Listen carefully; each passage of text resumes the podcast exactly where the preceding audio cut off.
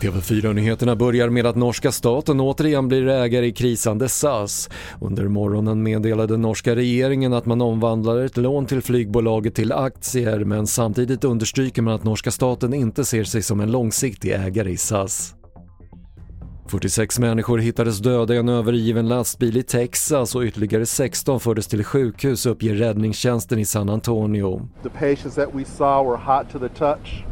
They were suffering uh, from heat stroke, heat exhaustion, uh, no signs of water in the vehicle. It was a refrigerated tractor trailer, but there was no uh, visible working AC unit on that rig. Människorna tros ha smugglats till USA och tre personer har gripits men det är oklart om de har någon koppling till händelsen. Och dödssiffran stiger efter robotattacken mot ett köpcentrum i Kremenchuk i Ukraina igår. Minst 18 människor har bekräftats döda och minst 59 har skadats och de samlade G7-ledarna kallar attacken för avskyvärd och menar att urskillningslösa attacker på oskyldiga civila utgör ett krigsbrott. Fler nyheter hittar du på TV4.se. Jag heter Patrik Lindström.